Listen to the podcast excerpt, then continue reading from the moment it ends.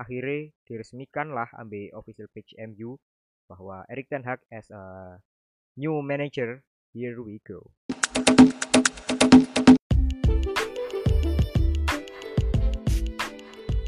Balik lagi di Neras FC podcast sepak bola beserta konspirasinya. Kembali lagi dengan Ali Akbar. Halo, halo re, halo, halo, halo, halo. Setelah sekian lama gak record, gak upload, akhirnya aku Ali Akbar balik meneh di Neras FC uh, membawakan beberapa topik yang mungkin sekarang lagi banyak diperbincangkan lah uh, untuk para fans sepak bola khususnya fans MU lah. Yo, uh, tanpa basa-basi langsung ayo hmm, tepat satu minggu lalu, lah salah hari Minggu. Nah, itu uh, akhirnya MU mengumumkan uh, kedatangan seorang Erik Ten Hag yang akan menggantikan Ralf Rangnick untuk menjadi manager, head coach manager di Manchester United mulai musim 2022. 2022-2023 yo di sisa lagi kan MU kan karek uh, melu di Premier League dok kan kurang beberapa match juga menurut itu sih tetap akan ditangani oleh Ralf Rangnick hingga akhir musim. Setelah itu akan di uh, alih tangan nang Erik Ten Hag. Uh, beberapa hari saat turungi MU secara resmi mengumumkan di uh, official page MU yang di Instagram yang di Twitter di di, lah. Uh, itu Fabrizio Romano wis banyak eh, memberikan rumor-rumor kayak yo iki sedang terjadi negosiasi antara Manchester United dengan Ajax untuk untuk membincangkan kepindahan Erik Ten Hag ke MU. MU membayar kompensasi Erik Ten Hag ke Ajax sebesar 1,6 juta pound sterling.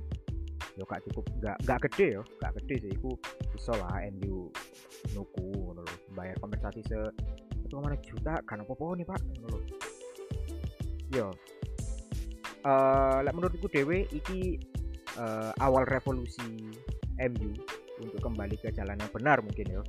Uh, mungkin setelah sekian lama ditinggal Sir Alex Ferguson ini gak bener-bener mendapatkan seorang pelatih sing proper menurutku.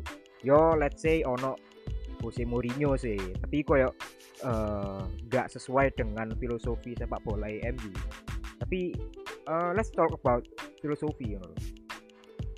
Filosofi uh, sepak bola ini lah jariku mek all about menyerang dan bertahan. Ngono tok ae sih iku tinggal milih ngono lho. Soalnya apa menurutku biyen Jose Mourinho iku gak sesuai ambil MU karena uh, kita sama iki mengenal MU iku se uh, sebuah klub dengan filosofi menyerang bukan bertahan.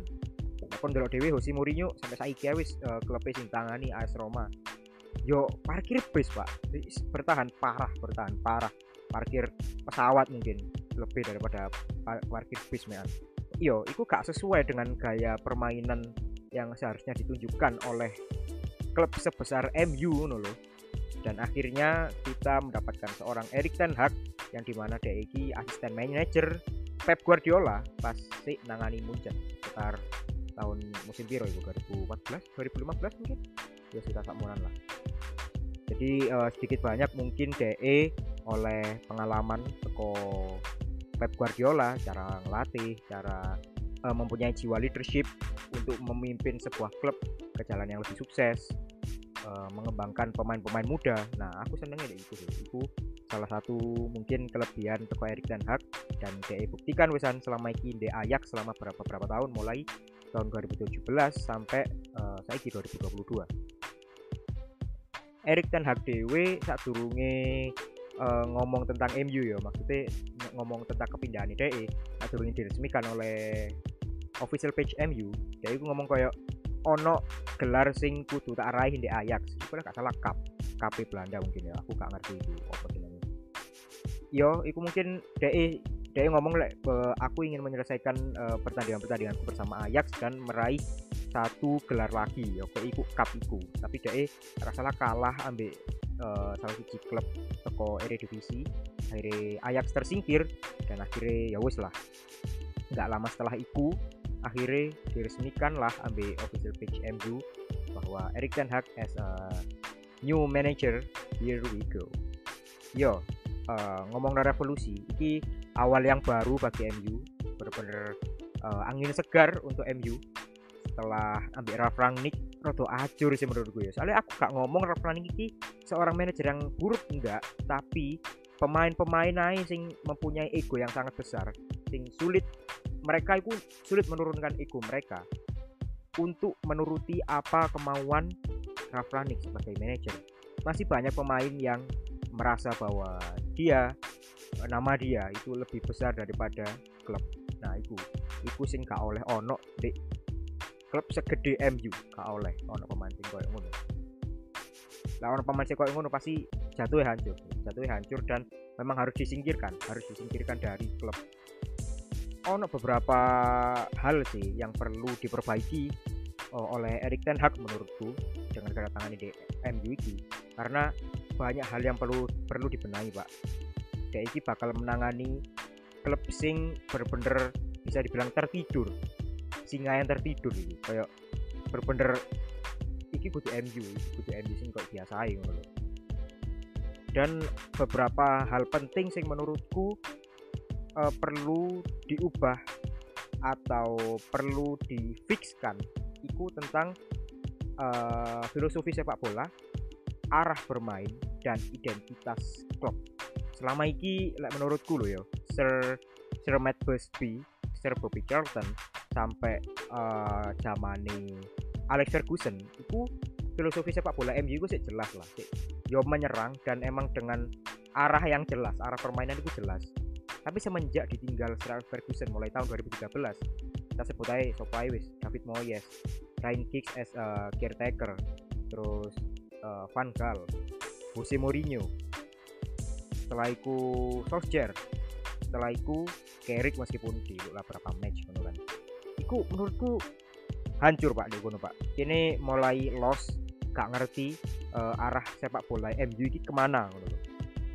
dan Ralf Rangnick pun setelah itu menerapkan gegen pressing dan menurutku itu taktik yang bagus. Dan beberapa match ya beberapa match awal kedatangan Ralf Rangnick itu gegen pressing itu benar-benar bekerja pak. Benar bekerja.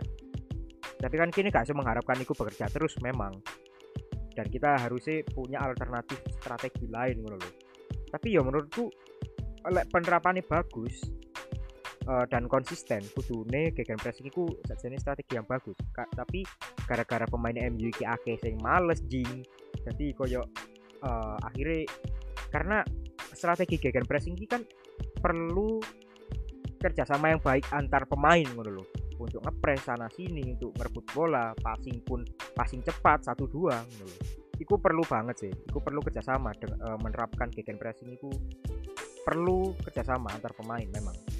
Dan itu tugas Erik Ten Hag untuk menemukan uh, arah bermain MU yang jelas dan mengfixkan kita ini klub yang seperti apa dan kita klub yang bagaimana gaya permainannya.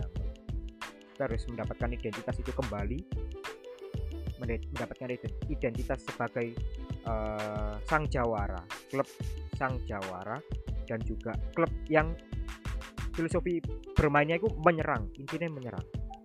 Dan lagi beberapa pemain yang mungkin perlu disortir ambil Erik Ten Hag karena Erik Ten Hag ini juga mempunyai gaya permainan sendiri kan. Dia kudune bakal bakal milih sopo ae sing bakal mlebu di squad DE dan sopo sing bakal DE tokno dan sopo sing bakal teko DE tuku di bursa transfer musim panas nanti. Nah, jadi kono beberapa pemain sing perlu difixkan posisinya. Itu kayak uh, kita sekarang kan punya dua kiper. MU punya dua kiper yaitu uh, David De Gea ambil Dean Henderson. Dua-duanya ini kiper sing api dan let's say di Henderson ini umur berapa sih? 25 26 lah yo. Si muda si muda dan dia perlu dikei banyak kesempatan pak. Soalnya aku yakin dia itu bakal jadi kiper masa depan nih England timnas England. Jadi dia perlu banyak jam terbang. Meskipun I know dia nggak salah saya lagi cedera nggak sih? Cedera atau emang jarang dimain? No ambil Rangnick gitu loh soalnya starternya De Gea terus meskipun emang De Gea lagi puncak performa ya meskipun beberapa tahun lalu kan kayak De sempat drop tapi lagi mulai balik mana lah De ke puncak performanya De ya aku berharap untuk Erik Ten Hag dewe lek jariku gak perlu tuku kiper. Karena kita mempunyai dua kiper yang sama-sama berkualitas dengan uh, satu usia yang memang matang satu usia yang jariku ya cukup matang sih. 25 itu awal-awal untuk menunjukkan performa terbaik mereka loh. Sampai 4 tahun 5 tahun ke depan loh. ya itu untuk masalah kiper. Untuk back sendiri kita uh, eh, MU ini uh, wis mulai melucu untuk uh, membeli back back beberapa tahun ini let's say lima tahun ini lah. Ya lah awakmu ndelok saiki back ya lah awakmu ndelok saiki back sing ono di kuat MU iki sapa ae? Lindelof Varane Bayi uh, Maguire. Jones gak usah dihitung lah gak tahu dimain meskipun pasti dimain oh, musuh Wolf lumayan lah ya menurut Lindelof Lindelof itu jariku center back sing api tapi dia kurang konsisten aja tapi aku iro yakin ya dia itu play for the badge really dia itu play for the badge dia uh, nekat dan apa ya nyaline gede lah. Untuk tackle tackle udah gak mesti sama sekali pak. Dan passing-passingnya dia yo api direct direct ke depan. Long ball itu api deh pak. Visionnya api deh Iku kayak Lindelof, Eric Bayi yo gak usah diomong lah, dia sering cedera kan, atau di main yo kan jarang. Harry Maguire, iki sing perlu di fix no ambil Eric Ten Hag. Apakah dia bakal mempertahankan? Tapi cariku kudu dipertahankan sih, karena Harry Maguire ini sebenarnya nggak nggak buruk tapi mek sering gak blunder dan dia lah cariku sih kena tekanan gara-gara dia back termahal dunia itu loh pak. Iku sing mengganggu psikis DE akhirnya sering blunder. Iku sih lah cariku untuk Varan sendiri gak kaget tiba eh Madrid gelem ngecul Varan mek lego 50 juta. Karena tidak sebagus itu juga ternyata. Kita expect terlalu tinggi sih terhadap Varan meskipun dia itu kiro uh, empat gelar UCL empat ya? Empat nggak salah kan? Ternyata sepele dulu maksudnya nggak sepele sih. Dia nggak sebagus itu ternyata dengan empat gelar UCL-nya itu dan apa yang harus dilakukan Erik Ten Hag? Cariku dia kudu buku back sing bener-bener mempunyai kualitas yang bagus mempunyai visi yang bagus mempunyai passing yang bagus kontrol yang bagus positioning defending yang bagus. Nah aku sih pingin loh ya. Berhubung Matis Delik ini tahu kerjasama tahu main kayak Erik Ten Hag beberapa tahun di Ajax kan.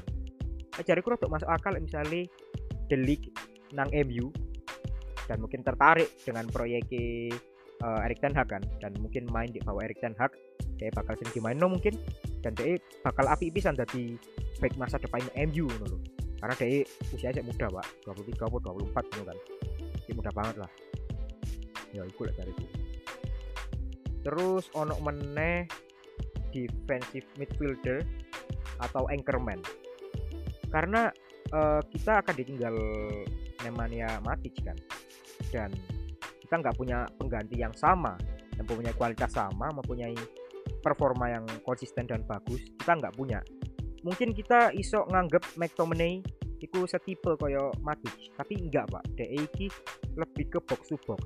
Fred juga box to box kayak menurutku. Meskipun kadang tadi midfield itu api tapi dia gak mempunyai postur tubuh yang tinggi untuk memenangkan bola-bola udara. Itu kurang menurutku.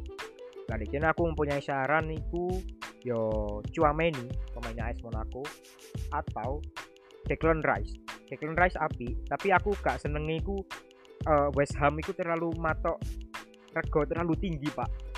Bayang no cu satu juta cu please lah. Apa oleh sing nawar MU itu mesti direkoi larang jing. Pegel dewi sih yo Rada mikir-mikir lah. Mungkin ono alternatif lain mungkin mungkin Bubakar Kamara iso mungkin. Iso itu usia muda dan punya kualitas yang baik juga iso mungkin kayak pengganti. Hmm, setelah itu lah menurutku di posisi sayap ya sayap oh di posisi attack, attacking midfield kita duwe Bruno kita duwe Lingard kita duwe Juan Mata kita duwe Pogba. Pogba ini sudah di attacking midfield iso box to box sih. Tapi Pogba ini yo Pogba ini perlu di fix no soalnya dia kontrak E entek di 2022 iya kini kan delok sih dia bakal perpanjang kontrak apa enggak? Karena dia bakal tertarik apa enggak? Ambil proyek Erik Ten Hag. Dan apakah juga Erik Ten Hag mau menggunakan Pogba juga kan? Karena dia ini pemain dengan ego yang tinggi. Jadi yuk kita lihat aja misalnya emang DE bertahan di MU apakah Erik Ten Hag iso mengatasi egonya yang sangat besar itu? Untuk Bruno Fernandes sendiri mungkin iki tugasnya Erik Ten Hag untuk untuk tidak apa yo itu tidak menjadikan Bruno iki star syndrome. Meskipun aku ngerti dia usia matang dan kudune gak star syndrome tapi dia ngerasa dia mempunyai uh, peranan penting selama di tangan Solskjaer. Karena jantung permainan ono di DE memang tapi itu hal yang perlu diperbaiki menurutku. DE gak iso dari pemain yang diandalkan terus. Karena DE akhir-akhir ini juga gak konsisten menurut jadi kita harus juga gak apa-apa sekali-sekali dimainkan tapi sekali-sekali juga di drop dia ambil pemain lainnya menurut oh iya taking midfield sih gimana sing di loan Everton Donny van de Beek. Nah Donny van, Donny van de Beek ini mungkin bakal tertarik untuk stay di MU dan mungkin DE bakal ngiro untuk dimainkan lebih meneh di MU di tangan Erik Ten Hag. Karena yo masa bakti ini di Ajax lumayan baik juga pas di tangan Erik Ten Hag si Donny van de Beek ini mungkin ada kemungkinan DE untuk DE stay di MU beberapa tahun ke depan. Well untuk sayap Sancho aku gak ngerti. Aku saiki jarang delok match MU rek sumpah. Jadi aku gak ngerti saiki sopon sing sering main.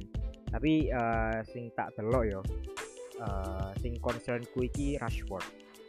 Rashford akhir-akhir ini sering di drop ambil Ralf Rangnick. Memang karena performanya yang kurang baik menurut ini tugas Erik Ten Hag untuk meningkatkan uh, confidence uh, si Rashford. Aku rada yakin lek Erik Ten Hag iso menaikkan confidence dari Rashford karena dia berpengalaman atas hal itu menurut contoh hai Dusan Tadic and Haller. Haller yang paling ketok ya. Sebastian Haller. Jadi top salah satu top skor di musim ini 2021-2022 di UCL sayang no nah gak salah dia tahu ngegol no satu match iku 5 gol kan? Gila. Gila sih iku. Dia mencetak sangat banyak gol setelah kedatangan dia di Ajax setelah uh, DE di West Ham. Itu rada gak jelas. Dia kan tahu di West Ham kan? Meskipun tahu menciptakan gol cantik salto. Tapi iku DE kena hitung pak gole pak. Mek piro ngono di West Ham? Akhirnya kan dituku Ajax dan sukses kan di Ajax. Jadi yo mungkin uh, sekarang waktunya Erik Ten membuktikan apakah Rashford ini iso dikembalikan juga rasa kepercayaan dirinya supaya performanya itu juga kembali.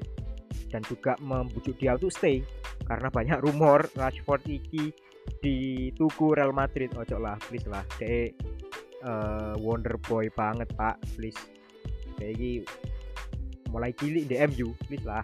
Please lah stay lah untuk striker ya untuk striker kita punya uh, Anthony Martial yang sedang loan uh, Cristiano Ronaldo. Nah Edinson Cavani wis bakal fix pindah kan. Untuk Cristiano Ronaldo sendiri kita nggak iso ngandal DE terus. DE itu tuwek pak umur 37 kita perlu penggantinya. Tapi kita nggak tahu siapa penggantinya. Nah cariku yo Halan sih. Aku pinginnya Halan tapi yo gak iso pak kayak kok eh ditawar City di Sian loh mungkin sing mungkin dulu yo uh, Vlahovic. Tapi aku gak yakin deh bakal iso adaptasi cepet apa enggak di Premier League karena aku jarang krungu pemain Italia di Premier League itu sukses selanjutnya sing pingin aku bahas itu ono uh, ketidakkonsistenan MU selama di tangan Rangnick dan itu perlu diperbaiki ambil Erik Ten Hag. Erik Ten Hag itu perlu memastikan MU harus bermain dengan formasi apa, dengan taktik seperti apa. Itu yang perlu dipastikan di Erik Ten Hag. Kenapa? Karena selama di Ralf Rangnick ini dicekel Ralf Rangnick, mereka ini sering ganti-ganti formasi dan ketidakkonsistenan itu yang membuat MU ini keteteran pak kacau banget mainnya setiap ganti formasi pasti uh, koyok koordinasi antar pemain itu nggak connect dan membawa uh, performa yang buruk akhirnya untuk tim. Jadi itu sih perlunya strategi dan formasi yang paten yang iki memang formasi utama yang akan dimainkan setiap match. Urusan engkau di jero match iku ganti formasi ndak apa lah. Itu sesuai taktik juga kan. Itu disesuaikan pertandingan disesuaikan akan musuh siapa. Kui sing kudu di uh, pastikan nabi Erik Ten Hag. Formasi apa yang uh, cocok dimainkan untuk MU dan pemain-pemain yang ada itu. Selanjutnya yang penting juga itu lajariku menentukan kapten. Seorang pemimpin. Ini delok ya ini delok dewi. Harry Maguire mempunyai sosok leadership memang. Tapi gak iso pak. Dia gak gak gak sedewasa itu untuk menjadi seorang leadership. Dia gak iso memimpin ruang ganti sing bener-bener ngontrol koyok zamane uh, Roy Keane zamane Roy Keane atau zamane uh, si Eric Cantona. Gak kurang kurang. Dan dia dipandang remeh juga ambil pemain-pemain yang lebih tua dia kayak Edinson Cavani ambil Cristiano Ronaldo. Yang ngomong Cristiano Ronaldo dia wis berpengalaman dia wis cukup dewasa untuk menjadi kapten. Dia kap dia kapten di timnas Portugal. Wis itu menjadi bukti besar. Dari dia untuk cocok menjadi seorang kapten memang menurut dia ini mempunyai sosok leadership yang tinggi. Dia care terhadap pemain-pemain muda. Koyok dia ini sering nyedai Anthony Elanga atau Rashford koyok ada dengan Dani eh kon mau mainmu ini loh mainmu ini ini ini koyok iku meskipun kini gak kerungu ya tapi kayaknya pasti memberikan bimbingan-bimbingan kecil untuk pemain-pemain muda tersebut dan wingi ono pemain juga sing main kan uh, debut iku fans Cristiano Ronaldo jadi ini. Iku pasti DE juga memberi banyak bimbingan untuk dia untuk menjadi seorang pemain yang baik untuk MU ke depannya jadiku sing paling cocok menjadi sing paling men cocok menjadi kapten yaitu kapten utama Cristiano Ronaldo kedua kedua ketiga yo Harry Maguire and Bruno Fernandes lah Bruno Fernandes juga mempunyai leadership yang tinggi kan? Dia mempunyai uh, jiwa sebagai seorang kapten. Dan dia memang pernah menjadi kapten di Sporting Lisbon. Proyek pemain muda yo. Proyek pemain muda. Iki hal yang perlu menjadi concern seorang Erik Ten Hag. Tapi aku tenang. Karena delo DE betapa suksesnya mengembangkan banyak pemain muda ketika di Ajax yo let's say Ajax banyak menjual pemain-pemain mudanya dan tetap sukses loh. Ajax tetap sukses meskipun banyak menjual pemain muda. Uh, let's say Matis Delik, Donny van de Beek, ambil Frankie De Jong lah. Tiga pemain muda itu sing wis didol ambek Ajax tapi Erik Ten Hag tetap menemukan bakat-bakat baru untuk Ajax. Kita sebut aja saiki ono Anthony. Anthony yang paling saiki paling namanya mencuat di Ajax dan menjadi andalan DE terus ono Traore juga kan. Nah itu bakat-bakat Ajax yang jariku juga ada peran dari Erik Ten Hag menemukan bakat tersebut. Nah, ini tugasnya Erik Ten Hag dan beberapa staff-staffnya yang memang dibawa lagi. Staff-staff Erik Ten Hag turunnya dijak bisa nang MU akhirnya jadi staff MU nanti. Nah ini tugasnya mereka untuk mengembangkan pemain-pemain muda MU yang di mana ini cocok banget ambil filosofinya MU pak.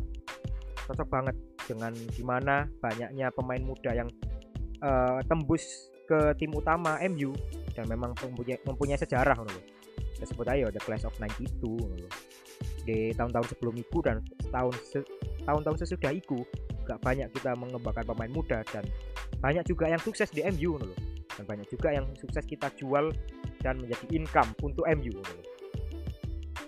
jadi iki jariku iki hal yang paling tak senengi banget karena aku jujur seneng banget dalam pemain muda lek debut dalam pemain muda iku produktif dalam pemain muda iki uh, konsisten mainnya iku aku seneng banget sih.